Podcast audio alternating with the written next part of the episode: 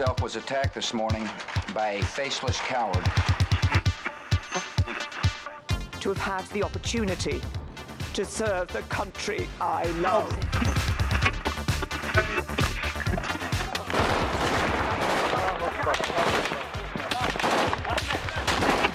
Den Einsatz für Frieden und Freiheit in Deutschland, in Europa und in der Welt. We will southern border. I beg you, please do not fail on this.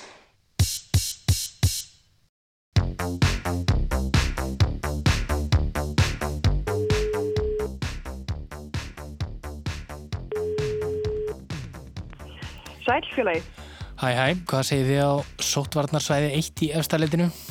bara fínt takk. Þetta gengur svona þennan nýja vanagang. En viltu ekki byrja? Jú, ég gerir það. Komið sæl, hlustendur góðir. Þeir eru að hlusta á heimskviður. Ég heiti Guðmundur Björn Þorbjörnsson. Og ég heiti Birta Björnsdóttir. Í heimskviðum er fjallað um það sem gerist ekki á Íslandi.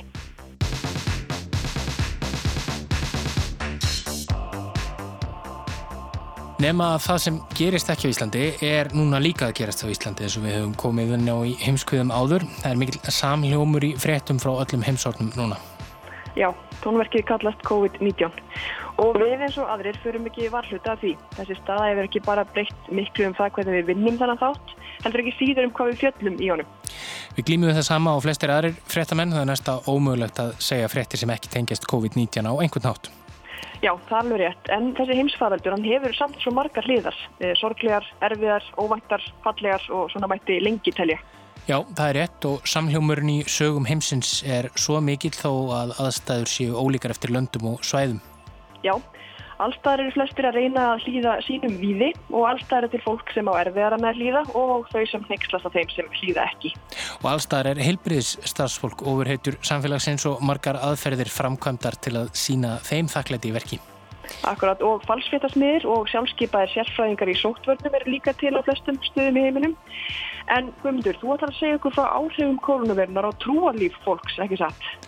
Jú, það eru tvær hliðar á þessu máli eins og kannski flestum málum. Fjölmarkar kirkjur og trúfélög viða um heim hafa ólínast yfirvöldum og virt samkomubannað vettu í sem getur jú haft alvarlegar afleðingar. En svo getur virt trúarlíf fólks líka haft í ákvaðáhrif, bæði á okkar eigin andlegu líðan og auðvitað með því að hlýða yfirvöldum en um leið hjálpa öðrum. Og svo ætlum við aðeins að fjalla um skemmtanaðinaðin en kvikmyndaframlegendur og aðrir sem komað gerð sjónvarps eru uggandi nú, ekki satt? Jú, það er óvægt að segja það. Hallgrimur Indriðarsson, hann ætlar að segja ykkur frá áhrifum heimsfaraldursins á kvikmynda og sjónvarskeiran. Því þó eigendur streymisvitna á borði Netflix hafi það gott um þessa myndir og horfi á áskriftatölur hækka, setja leikarar, leikstjórar, kvikmyndatökumenn, hljóðmenn og allir þeir heima í stofu og býða eftir því að hjólinn geti farið að snúast að nýju. Búið er að fresta fjölmörgum frumsýningum stórmynda á borði nýju Batman-myndina og nýju Bond-myndina og segja má að Hollywood skjálfi og nötri. En faraldurinn hefur þó ekki stöðvagöngu eins langlífasta sjónvastáttar sögunar eins og Hallgrimur kemur inn á í bysli sínum á eftir. Og svo er það fókbóltinn. Á Spáni má færa rauk fyrir því að fókbólti sé ígildi trúabræða. Guðirnir sem tilbyðinir eru eru ímist undir merkjum Barcelona eða Real Madrid. Það eru eins og er ekki ríkt neinn loggmódla í herbúðum Barcelona undanfarið og ásakarnir um spillingu og óstjórn farið nokkuð hátt. Pálmi Jónasson ætlar að segja okkur frá því og söguliðsins og nýtu þar liðsinnis Einars Arnar Jónssonar íþróttafrættamanns. Og það verður eini puttillin í þættinum í dag sem er ekki COVID-smittaður. En talandum trúabröð. Guðmundur Björn segir ykkur nú frá trúabröðum á tímum heimsfaraldurs.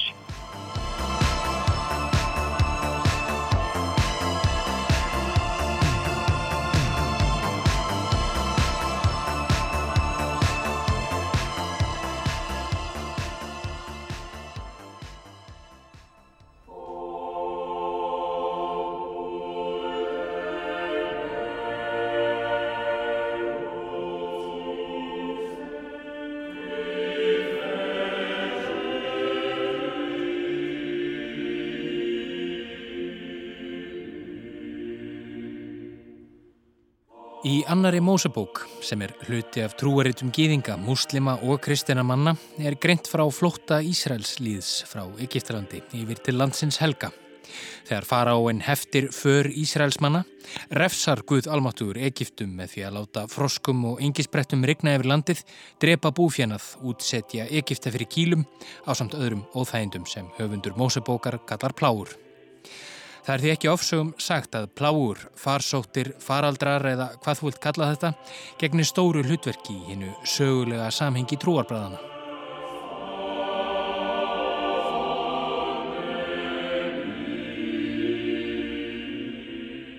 Svo pláa sem nú rýður yfir heimsbyðina er þó annars eðlis. Hún er ekki yfirnáttúrulegt afsprengi reyði Guðs, heldur bráðsmyndandi vera sem hefur lagt heiminn á hliðina, rétt eins og pláurnar tíu sem reyðu yfir Egiptaland, leiku heimamenn grátt. Þegar heimsfaraldur geysar eru svörin sem við fáum gerðnan færri en spurningarnar, en er merkilega lítið vitað um koronaveiruna sem veldur COVID-19 sjúkdómnum og þótt víða sé unnið að þróun bóluefnis er enn langt í land þar til það lítur dagsins ljós og ég raun ekki vitað hvort það líti dagsins ljós yfir 2,5 miljón manna hafa grenst með veiruna og tæplega 200.000 látið lífið. Áhrif hennar á samfélag heimsins þarf ekki að áreita hér. Daglegt líf eins og við þekkjum það er gjör breytt. Heimurinn hefur stöðast og óvissan um framtíðina er ekki síðri en hraðslan við nútíman.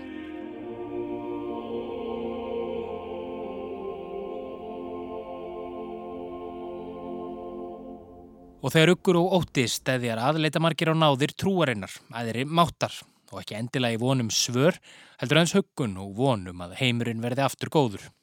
Heims faraldurinn hefur haft gríðarlega áhrif á trúarlíf fólks út um allan heim og trúarlíf fólks hefur sömu leiðis haft áhrif á útbreyslu faraldursins. Hér mætast vísindinn og trúarbröðin sem að margra mati eru ósamrýmanleg. Atbyrðir síðustu vekna hafa sínt okkur að vísindinn og trúarbröðin eiga það til að rekast saman á óþægilegan hátt. En þessi faraldur hefur einnig sínt hvernig fólk og trúarlíf þeirra aðlagast breyttum heimi, ánþess að stíga á tær vísindana.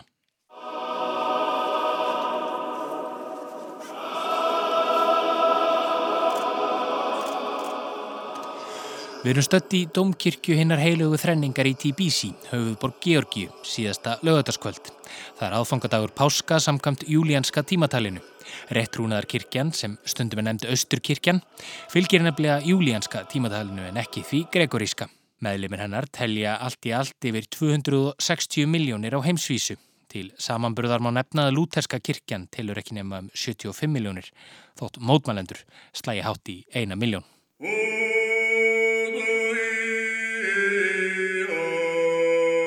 Og í Georgiu hefur kirkjan mikil ítök en tæp 85% landsmanna tilhera henni.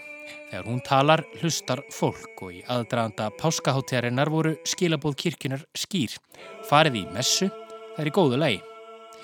Tölverður fjöldi fólks hlíti á patriarka Georgísku réttrúnaðakirkjunar í Dómkirkjunni í Tbilisi um liðna helgi. Þótt kirkjugestir hafi gert sitt besta í að halda hæfilegri fjarlað frá næsta manni og flestir hafi verið með andlitskrímur. Þetta kann að koma á óvart en það hafa georgísk stjórnvöld og heilbreyðis yfirvöld lotið lof fyrir framgöngu sína í koronaveiru faraldrinum. Fyrsta smitið greintist hann 27. februar í TBC en strax í janúar hafðu yfirvöld stöðað allt flug til og frá Kína þar sem veiran á upptök sín. Þegar þetta er skrifað hafa rúmlega 400 tilfelli greinst og fjórir hafa látist þar af völdum verunar.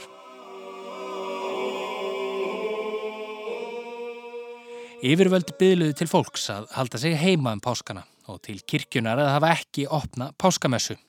Pata Imnatse, aðal veirufræðingur þeirra Georgiumanna, saði fyrir páskaháttíðina að útbreðsla faraldursins í landinu væri nú í höndum fólksins í landinu og hvort það sjáu sér færtum að sleppa páskamessunni. En allt kom fyrir ekki. Myndbönd hafa byrst frá Páskamessu í borginni Kutaisi, næst stærstu borg Georgi, þar sem fjarlæðarmörk eru virtað vettugi, kirkjugestir sjást snertast og margir þeirra eru grímulöysir. En hvers vegna? Jú, svo verist sem yfirvöld hafa ekki sett kirkjunni stólinn fyrir dyrnar og reyði frjálsleindra Georgiumanna beinist nú að ríkistjórn landsins sem þótti veira sér við að setja kirkjunni afarkosti í aðdraðanda páskaháttíðarinnar.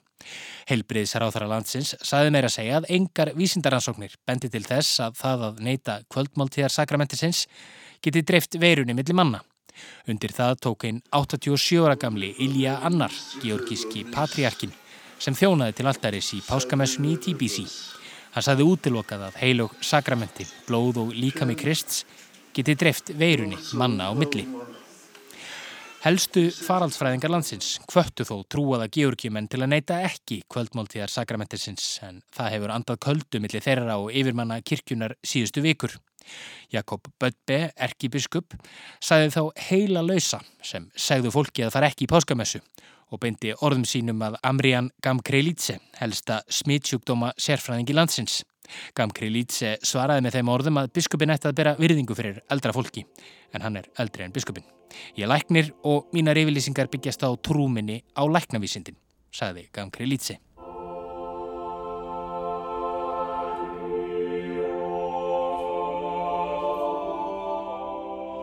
Erfitt er að segja til um hver áhrifin verða af kirkjusókn Georgiumanna síðustu helgi, hvað útbreðslu veirunar varðar. Það kemur í ljós á næstu vikum. Það er þó ljóst að það sem gerðist í Georgiur skýrt og klárt dæmi um það þegar vísindi og trúabröð tala ekki saman og það hefur gerst víða um heim síðustu vikur.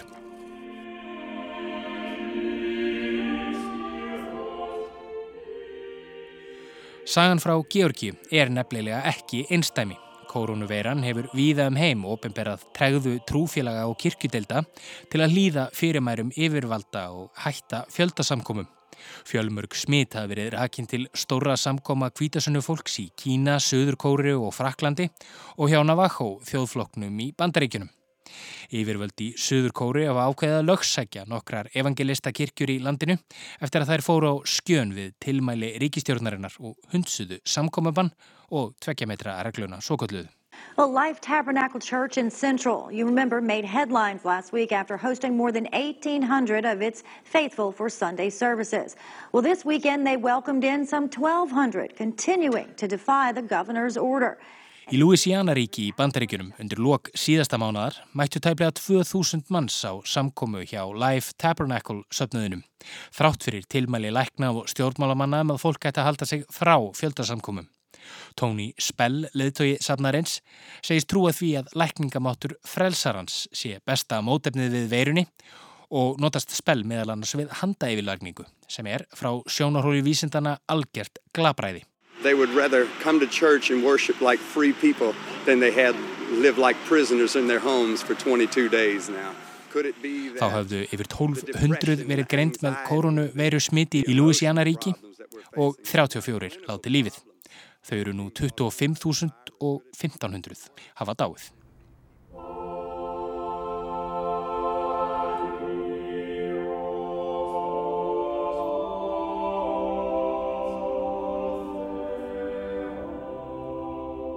Í upphafi þessa pistils greindi ég frá pláunum tíu sem Guð let regna yfir Egiptaland og gerði að því skóna að pláur gegnum því mikilvægi hlutverki í sögu stærstu trúabræða heims. Það kann að vera, en í gegnum söguna hafa trúarhópar einnig þurft að kljást við farsóttir og heimsfaraldra líkt og nú og þeim hefur oft tekist betur til en nú. Um miðja þriðjöld geisaði faraldur í Rómarveldi, skildur ebólu. Hann er kallaður Kíprianusar pláan eftir Kíprianusi kirkjuföður sem gerði pláunni greinagóð skil í rítgersinni um döðlegan, de mortalitate. Konstant Muse, professor í trúabræðafræðum við Monash Háskóla í Melbourne í Ástralíu, benti nýverð á að þessi faraldur hafi gert að verkum að kristnir söpnuðir sem þá voru ofsóttur minnilhuti innan Rómarveldis hafi flúið út á afskekt svæði og eigðmerkur, stopnað þar klaustur og veitt læknisaðstóð þeim sem hana þurftu. Og þótt ímislegt megi setja át á trúarteksta, allavega frá sjónarhóli skinsiminnar, er það ju einmitt þetta sem er kjarna bóðskapur flestra trúarbræða. Að vera náungarum innan handar og rétta fram hjálparhönd, en ekki setja líf hans í hættu. Í nýleiri grein Matthew Gabriel, professors í miðaldafræðum í Virginia Tech háskólanum á VF Time Magazine, bendur höfundur á að það sem stuðlaði einna helst að vexti kristni í frumkirkjunni var áhersla sapnaðana á það sem á latínu er kallað caritas, sem í daglegu tali er þýtt sem kærleikur. Í fyrndinni risti merking þessa hugtags þó enn dýbra og náði utanum einhvers konar djúbstæða virðingu fyrir öðru fólki. Þetta hafi skipt sérstaklega miklu máli í hinnum forna heimi fyrir botni miðirahafs þar sem hverskins sjúkdómar og farsóttir voru tíðir gestir. Að ala önn fyrir þeim sem þjást skipti mestu máli. Og í slíku árferði er ekki vittlust að hlusta á vísindin. Blessunarlega er því nefnilega svo farið að meiri hluti þeirra sem stjórn á trúfélögum og kirkjudeildum er skinsamt fólk sem hlustar á vísindin. Víða um heim hefur skipilöðum trúarsamkomum verið hætt, kirkjum, moskum og samgunduhúsum lokað. Bútistar í Asíu hafa lokað hofum sínum fyrir almenningi og stórar trúarháttíðir hindúa eru núhaldnar háttíðlegar innan vekja heimilisins.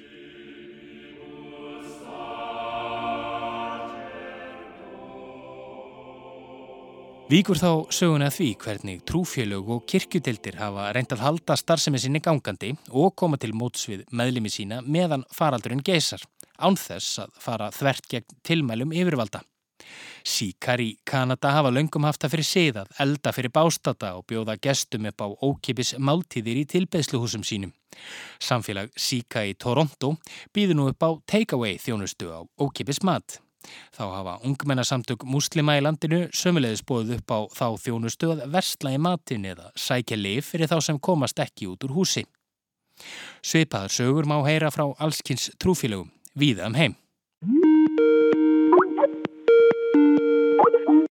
Og svo er það hlutverk tækninar í þessu öllu saman. Fjölmörg trúfélög hafa nýtt sér tæknina til framdráttar í þessum efnum. Guðstjónustum er streymt í gegnum netið og þá hafa fjölmörgir trúarleðtúar byrt myndbönd og færslur á samfélagsmiðlum á borðið Facebook og Twitter. Ekki bara stórlagsar á borðið Dalai Lama og Frans Páva, heldur leðtúar trúarsamfélaga og sapnaða sem eru smerri í sniðum. Páskamessu Páva var sjónvarpað, en það er svo sem ekkit nýtt, en það var engin kirkjugestur sjáanlegur. Pope Francis returns now from the sacristy, and we wait to listen to his words of hope on this Easter Sunday of resurrection, his message for Easter 2020. Svo gjá sem hér hefur verið rættum milli vísinda og trúarbræða er kannski mest áberandi í bandaríkunum. Landinu þar sem Tony Spell bóðar 2000 manns á fjöldasamkomu í miðjum heimsfaraldri og þar sem stjórnmálamenn hafa það orð á sér að þeirra íhaldsamir trúmenn sem skíla sér á bakvið trúar krettur þegar þeir neyta að horfast í augu við mikilvægi samfélagsleira úrbóta eins og heimila þungunarof eða leifa hjónabönd samkynneðra. Og kannski þess vegna brást íslenskur þingmaður ítla við orðum Joe Biden, fósetæfni demokrataflokksins í vikunni, þegar Biden óskaði meðlumum réttrúnaðarkirkjunar gleðilegra páska á Twitter. Trúin sér best í myrkri, sagði Bæten og vísaði þar í danska heimsbyggingin Kirkegård og beindi orðum sínum til þeirra sem séu fjarrri ástfinum. Um leið og hann áreittaði mikilvægi þess að fólk missi ekki trúna á þessum erfiðu tímum. Þingmaðurinn íslenski svaraðum hæl og sagði að við hefðum enga þörf fyrir trú. Allt sem maðurinn þyrti á að halda væru vísindin og smávegis kærleikur myndi ekki skafa en vísindin skiptu þó mestumáli. Gott og vel. En það er einmitt þarna sem þingmaðurinn hitti mögulega, óvart þó, naglan á höfuðið. Þeir páskar sem meðlimir réttrúnaðar kirkjunar fögnuðum síðustu helgi eru háttíðu sömu trúabræða og þeir sem byggðu klaustur í eigðimerkum fortíðarinnar aðhildust til að hjálpa hinnum sjúku. Georgíska réttrúnaðarkirkjan gekk kannski ekki fram með góðu fordæmi síðustu helgi, ekki frekar en Tony Spell og félagar í Louisiana, En kannski þurfa ólínir trúarhópar einmitt nú að líta aftur til þeirra grunngilda sem eru pottur og panna trúarinnar. Nú þegar heims faraldur gengur yfir. Ekki skada aðra, verðtu öðrum mönnum góður og allt það. Leit mannsins að aðri tilgangi og andleiri svölun ætti nefnilega ekki að koma í veg fyrir að hann viðkenni mátt vísindana. En svo dæmin sanna er Ímis kærleiksverk hægt að inna af hendi með hjálp tækninar og vísindana og þar sem trúabröðin er eftir að standa þennan faraldur af sér saman hversu vittlaust þau kunnað vera, er óskandi að kjarnabóðskapur þeirra, sá er snýrað kærleika og mannhelgi, verði vísindunum hjálparhella en ekki andstæðingur.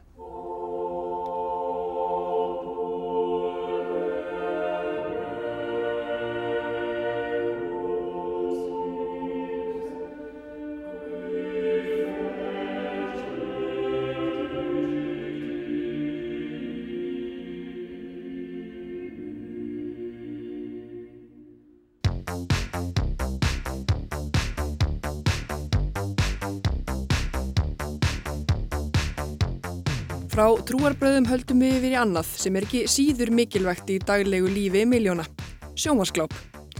Þó mörg hafi notið þess eða neyðst til þess að horfa mikið á sjónvarpið síðustu vikur er ljóst að heimsfaraldurinn kemur til með að hafa mikil áhrif á framleiðslu sjónvarsefnis næstu mánuðina. Kvikmyndaframleiðendur og sjónvarstöðvar gætu lendi í miklum vandræðum þeirra framlýða stundir. Hallgrimur Indriðarsson tekur nú við.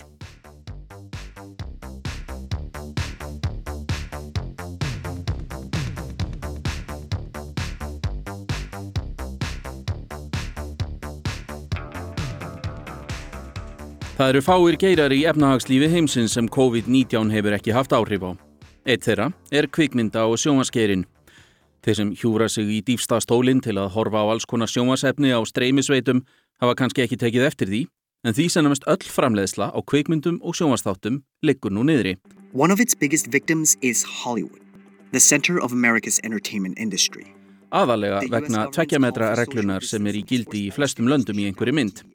As well as postpone all of their theatrical releases, resulting in hundreds of thousands of workers in the industry losing their jobs in the process. Leikarar, leikstjórar, kvikmyndatökumenn, hljóðmenn, allir sitja nú heima og býða eftir að allt fari í samtlag aftur.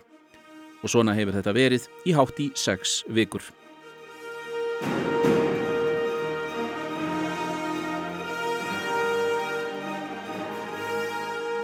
Faraldurinn hefur frestað frumsýningum á kvikmyndum, enda kvikmyndahús almennt lokuð.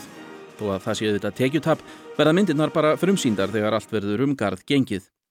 Meðal mynda sem búið er að senka frumsýningu á eru nýja myndin með leðurblökumanninum sem heitir einfallega The Batman Bruce Wayne. Batman is Bruce Wayne. Wonder Woman We all have our struggles. Teknimyndin Scoop sem er um hérna sígildu personu Scooby-Doo Oh, oh, it's about to start. You ready? Ready. Popcorn? Múlan Framhaldið af Ghostbusters There hasn't been a ghost sighting in 30 years. og önnur myndin um hinnar gulu vinalegu verur Minions Og nei, ég er ekki heldur að gleyma nýju James Bond myndinni sem jáframt er svo síðasta það sem Daniel Craig leikur njósnara hennar hátegnar. Why would I betray you? Leikarar og leikstjórar sem eiga nóg að býta og brenna örvænta kannski ekki sérstaklega yfir þessari stöðu. Öðrumáli gegnir um aðra starfsmenn í bransanum sem margir hverjir eru verktakar. Í miðstöð þessarar framleiðslu, Hollywood, hafa menn verulegar áhyggjur. Menn óttast að þar gæti allt orðið stopp í nokkra mánuði og það myndi ógna fjárhagslegri afkomu býstna margra í þessum geira. Og þessi ótti er ekki ástæðulegs þar sem kvikmyndaframleðendur hafa þegar gripið til ímissa aðgerða. Disney varð fyrst til þess sem er kannski ekki að undra þar sem fyrirtækið hefur ekki aðeins tekjur af kvikmyndum heldur líka skemmtikörðum sem hafa þurft að hætta starfsemi. Í byrjun vikunar fóru allir starfsmenn sem ekki vinna bráðnöðsynleg störf þar í hlutastarf. Og búist er við að eftir eina til tvær vikur verði samningum við þá sem vinna við sjónvarsframleyslu þar sagt upp.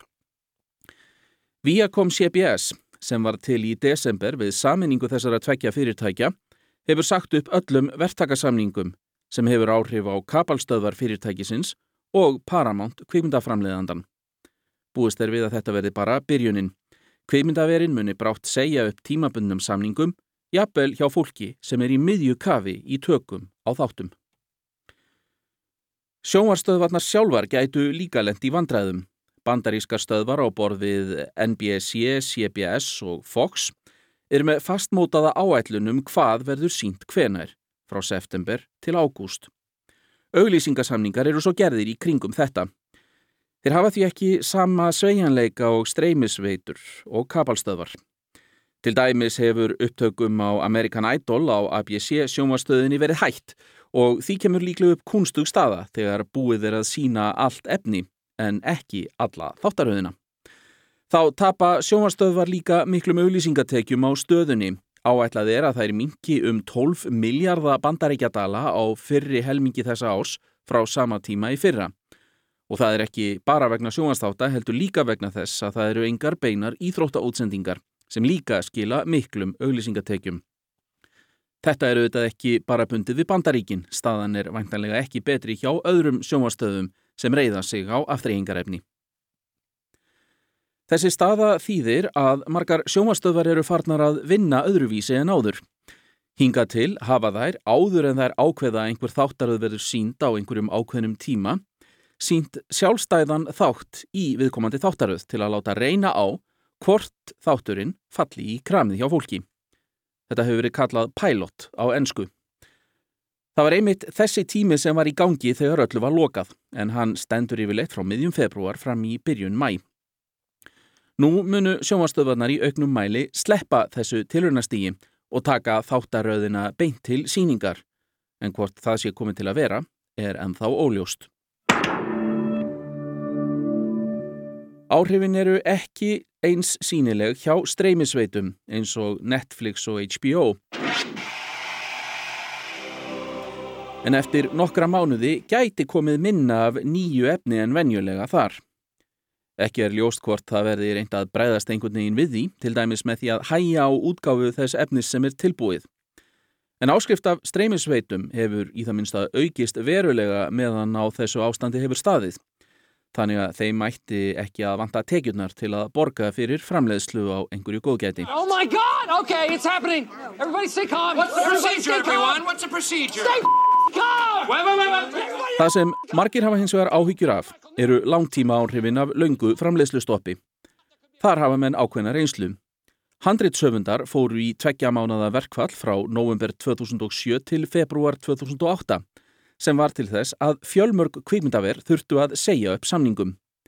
Það tók nokkur ár fyrir markaðin að ná sér eftir það. Hætt er við að áhrifin af þessum faraldri verði mun meiri fjárhagslega. Það er ósnemt að segja til um hversu hratt sjónvars og kvikmyndaframleðslan nær sér en áhyggjur eru af því að sá tími verði enn lengri en eftir verkfall handritsöfunda.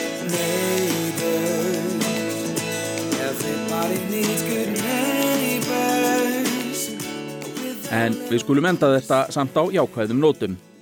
Það eru þó að minnstakosti hafnar tökur á einni þáttaröð eftir framleiðslu hlýja vegna COVID-19 faraldursins.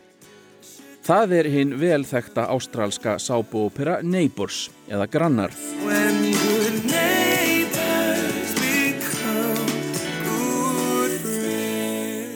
sem hefur verið í framleiðslu samfleitt frá árinu 1985. Samneitið verður þó ekki jafn náið og venjulega í tökunum.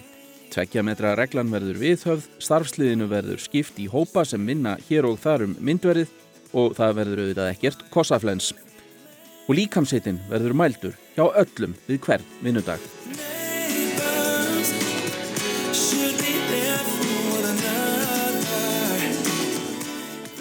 Ef þetta gengur upp geta aðdáendur allavega gengið að þessum fasta punkti í tilverunni vísum og kannski er þó komin leið til að láta framleiðslu svona efnis ganga upp.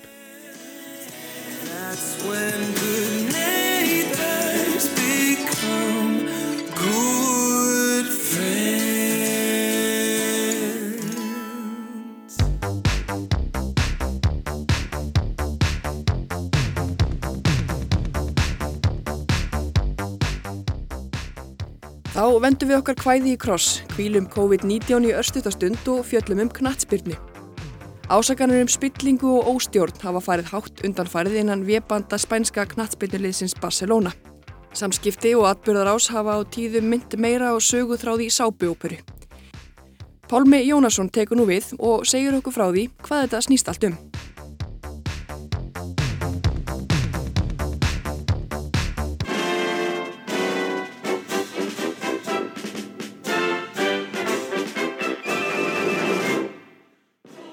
Barcelona er eitt sigur sælasta og þekktasta íþróttafélag sögunar, meira en bara íþróttafélag eins og segir í slagorðið þess. Hvert klúðrið hefur rekið annað á síðustu mánuðum og misserum. Þjálfaramál og leikmannamál hafa verið í miklum ólestri og spilling og óstjórn verðist grassera innan félagsins. Ráðgefa fyrirtæki hefur fengið fúlgur fjár til að mæra forseta félagsins en nýða skóin af andstæðingum hans og þekktum leikmönnum félagsins. Á dögunum sögðu sex stjórnarmenn af sér til að mótmæla stjórnarháttum forsetans og knýja á um að nýrverði kosin heið fyrsta. Einar Örn Jónsson, íþróttafréttamaður, segir að Barcelona sé líklega sögufrægasti fótboltaklúpur veraldar. Já, Barcelona er svo miklu meira en bara íþróttafélag eins og slagurðið meske en klúb gefur til kynna. Það þýðir upp á íslensku meira en klúbur eða meira en félag. Þetta slagurð hefur fyllt félaginu alveg frá fyrsta degi og er alltum líkjandi í kringum félagið. Þessu orð eru skrifuð stórum stöðum í, í stúkuna á vellinum og þetta er það fyrsta sem blasir við þegar maður fer inn á heimasíðun eða samfélagsmiðla félagsins.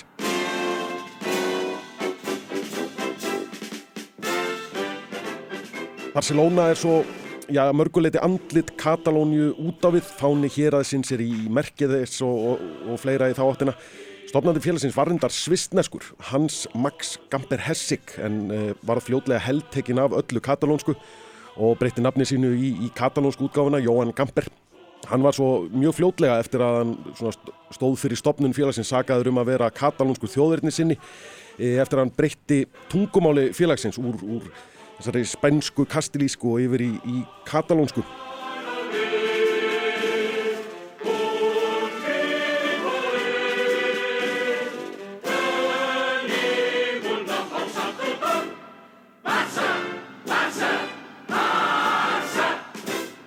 Borgarastyrjöldin á, á Spáni var svo mikill vendipunktur fyrir félagið og, og stöðu þess innan Katalóni. Forseti félagsins Jósef Súnjól var myrtur á fasistum árið 1936 já, aðalega af því að hann predikaði mikið sjálfstæði Katalóniu og þegar Franko náði völdum þá var eitt af hans fyrstu verkum á íþróttasviðinu var að breyta merki félagsins fjarlæga katalónska fánan og breyta ofinberu tungumáli félagsins aftur yfir í, í spænsku eða kastilísku. Þetta gerði náttúrulega ekki neitt nema að auka stuðning Katalóna við Barcelona og gera það svona að saminningar tákni Katalóna. Og þegar fór að líða undir lok Franko tímans og sérstaklega eftir að Franko sjálfur dó þá fór eh, Barcelona aftur að flagga þessum katalónsku rótum sínum. Og fyrstu forsetakostningarnar hjá Barcelona voru 1978 og það var svona stórt skref í átt að líðræðis átt á, á Spáni og frá einræði Franko árana og, og eftir að eftir að eh, fasistar fóru frá völdum á, á Spáni hefur Barcelona verið mjög rækilega katalónst og í nútímanum líka hefur félagi stutt við sjálfstæðisbaróttu Katalóna, ofinberlega er það, ja, lýsir það hlutleysi í, í þessum kostningum sem hafa verið í, í Katalóniu en, en stiður mjög mjög diggilega við það að kostningar fái að fara fram og að fólk fái að segja hugsin og það maður náttúrulega tólka það á þann hátt að, að félagið Barcelona stiði við sjálfstæði Katalóna og pólitík hefur því alltaf fyllt þessu íþróttafélagi og gerir það alveg öruglega áfram.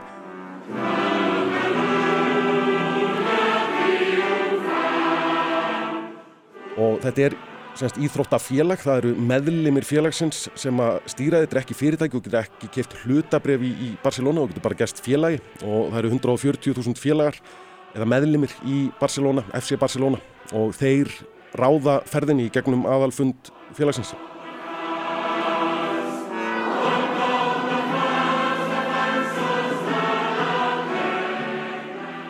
Fótbólti er trúarbröð á Spáni og þar bera Barcelona og Real Madrid höfuð og herðar yfir önnur lið. Einvið þessar að tveggja risa í spænskri knatsbyrnu nefnast El Clásico á spænsku eða El Clásic upp á katalónsku. Engin félags íþrótt nýtur við líka aðtegli. Fjögur til 500 miljónir manna fylgjast með þegar Barcelona og Real Madrid mætast á vellinum. Madrid og Barcelona eru tvær stæstu borgir landsins og liðin standa fyrir ger ólík gildi. Real Madrid fyrir spænska þjóðerniskend en Barcelona fyrir katalónska. Þetta eru tvö af ríkustu liðum heims og yfirleitt eru þau í tveimur efstu sætonum á listum yfir verðmætustu íþróttalið veraldar.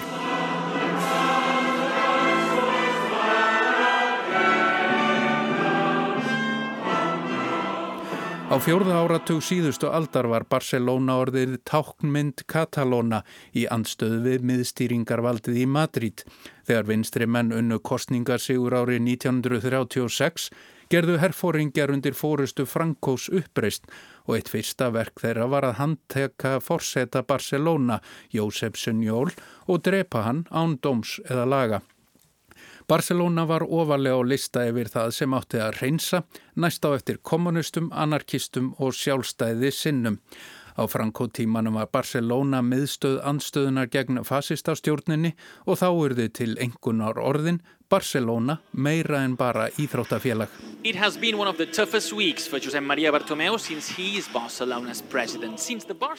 Fyrr í mánuðinu sögðu sex stjórnamenn í Barcelona af sér til að mótmæla stjórnarháttum félagsins og sérstaklega forsetanum Josep María Bartomeu en einn liðurinn í sápu óperunni. Barcelona er ekki lengur meira en bara klúpur, þetta er orðið meira en bara klúður. Stjórnarmennir fyrirverandi krefjast óháðrar rannsóknar á fjárreðum félagsins að hennir ábyrgu verði dregnir til ábyrðar og allt fér sem misfarið hafi verið með verði endugreitt. Það er talað opimberlega um Barça Gate með augljósa tilvísun í Watergate. Einn stjórnarmannana, Emily Rousseau, segir augljóst að einhver hafi vaðið í fjárhyrslur félagsins á skítugum skónum. Fjölmiðlar hafa greint frá því að fyrirtækið E3 Ventures hafi fengið 900.000 eurur eða 140 miljónir króna fyrir að stopna netsýður og tilbúin nettröll til að stýra umræðinu með bligðunarlausum árásum á anstæðinga forsettans og leikmenn félagsins fyrverandi og núverandi en dásama forsettan í hástert við öll mögulegu og ómögulegu tækifæri. Forsetin neytar öllum ásökunum en fáur virðast leggja trúnað við hann en það virðist klúpurinn einn rjúkandi rúst eftir röð mistakað undanförnu.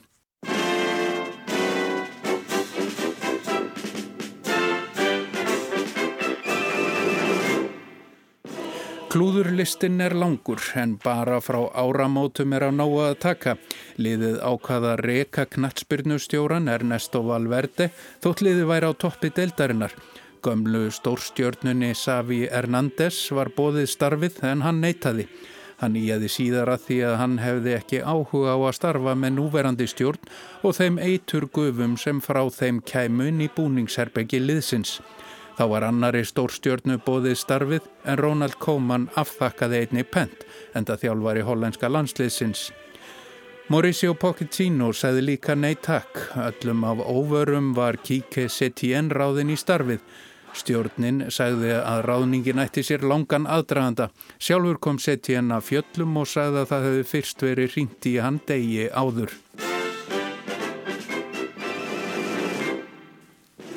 Erik Abidal, yfir maður knatsbyrnumála, sagði að leikmenn liðsins hefði átt þátt í brottrekstri Valverdes en það var meira en Lionel Messi gatt setið undir. Hann hafði áður sagt að þáverandi varaforseti félagsins, Xavier Fás, hefði ekki hundsvit á knatsbyrnu. Nú húðskamaði Messi Abidal, sakaði hann um ófræðingarherferð og krafðist þess að yfir maður knatsbyrnumála tæki afleðingum orða sinna og gjörða. Barcelona sárvantaði framherja í januarglugganum. Niðurstaðan varð engu að síður svo að engin framherji var keftur en tveir seldir.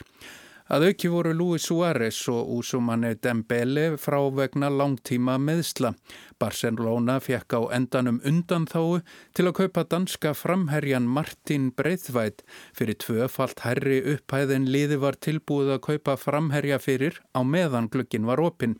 Oh, don't get me started in this Barcelona thing. Ridiculous. It's... Danin lít þekti var keiftur fyrir 18 miljónir evra eða næri 3 miljardar íslenskra króna. Engin hefur trú á að Danin eigi eftir að spila stóra röllu fyrir liðið. Barcelona liði var svo þunnskipað að það áttu um tíma í erfileikum með að fylla varamannabekkin.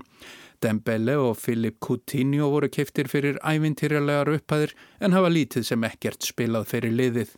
Skandallin með E3 Ventures kom upp um svipa leiti og nánasti ráðgjafi fórsetans var látin taka skellin þótt flestir telli að hann stjórni enn miklu bak við tjöldin. Þessu fylgdi krafa um að leikmenn tækja á sig launalækkun hjá félaginu sem hafði nýlega líst í yfir að Barcelona væri verðmætasta vörumerki íþróttana.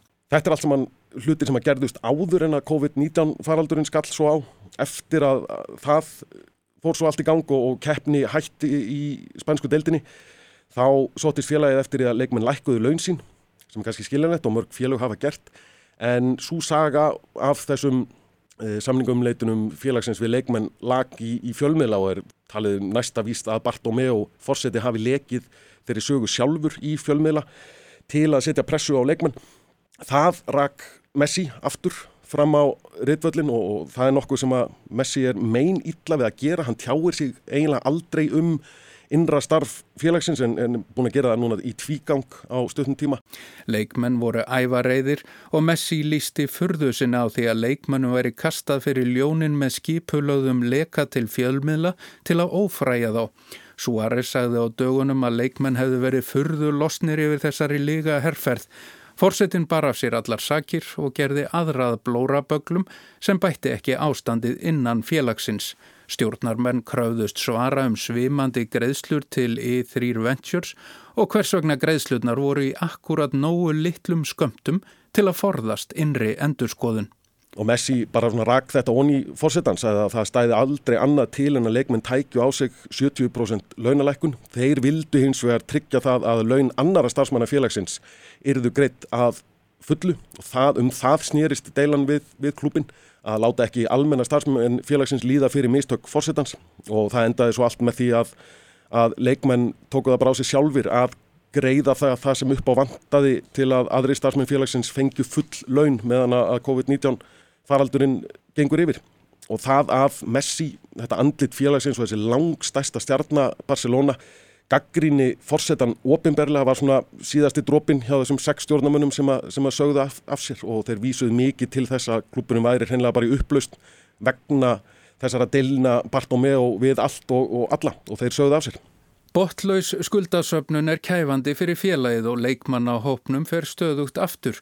Hópurinn er veikari og minni en samt dýrari en nokkru sinni áður. 67% af tekjum félagsins fari að greiða leikmannum laun.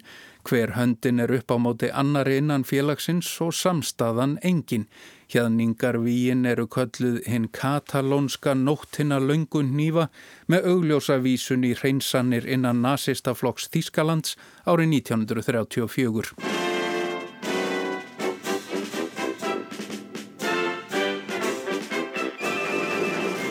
Það er innan við mánuður síðan fórsetin skipaði Rousseau sem var að fórseta sinn og krónprins.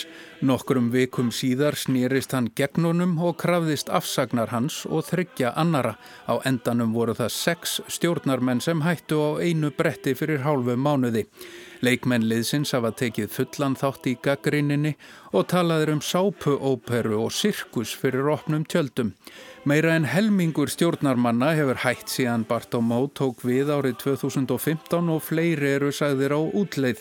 Undir stjórn hans hafa starfað fjórir mismunandi yfirmenn íþróttamála og samskipta stjóratnir eru legíó. Sjö varaforsetar hafa tekið pókansinn að óglemdu öllu klúðrinu í þjálfara og leikmannamálum. E, Bartomeu ber sig bara nokkuð vel.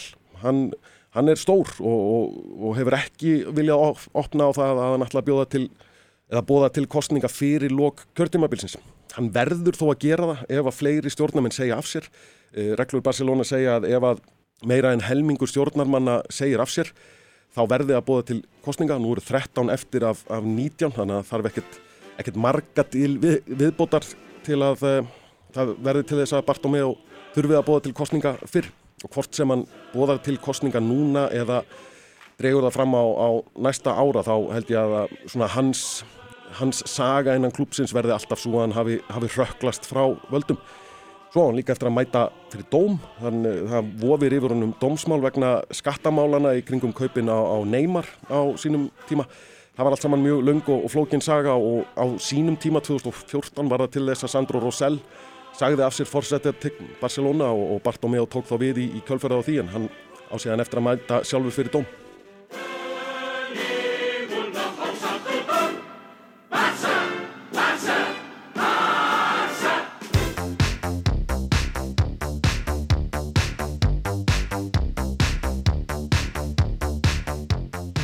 Þá verða heimskviðunar ekki fleiri í þessari vikum. Nei, en þær verða enn fleiri á sama stað og á sama tíma í næstu viku. Þanga til er þetta hlýða á þennan þátt og alla hýna á öllum helstu hlaðvarpsveitum. Já, okkur regnast til að þetta sé þáttu nummer 33 og það er komið ágæti samt þangað. En þanga til þökkum við þeim sem hlýtum og heyrumst aftur í næstu viku.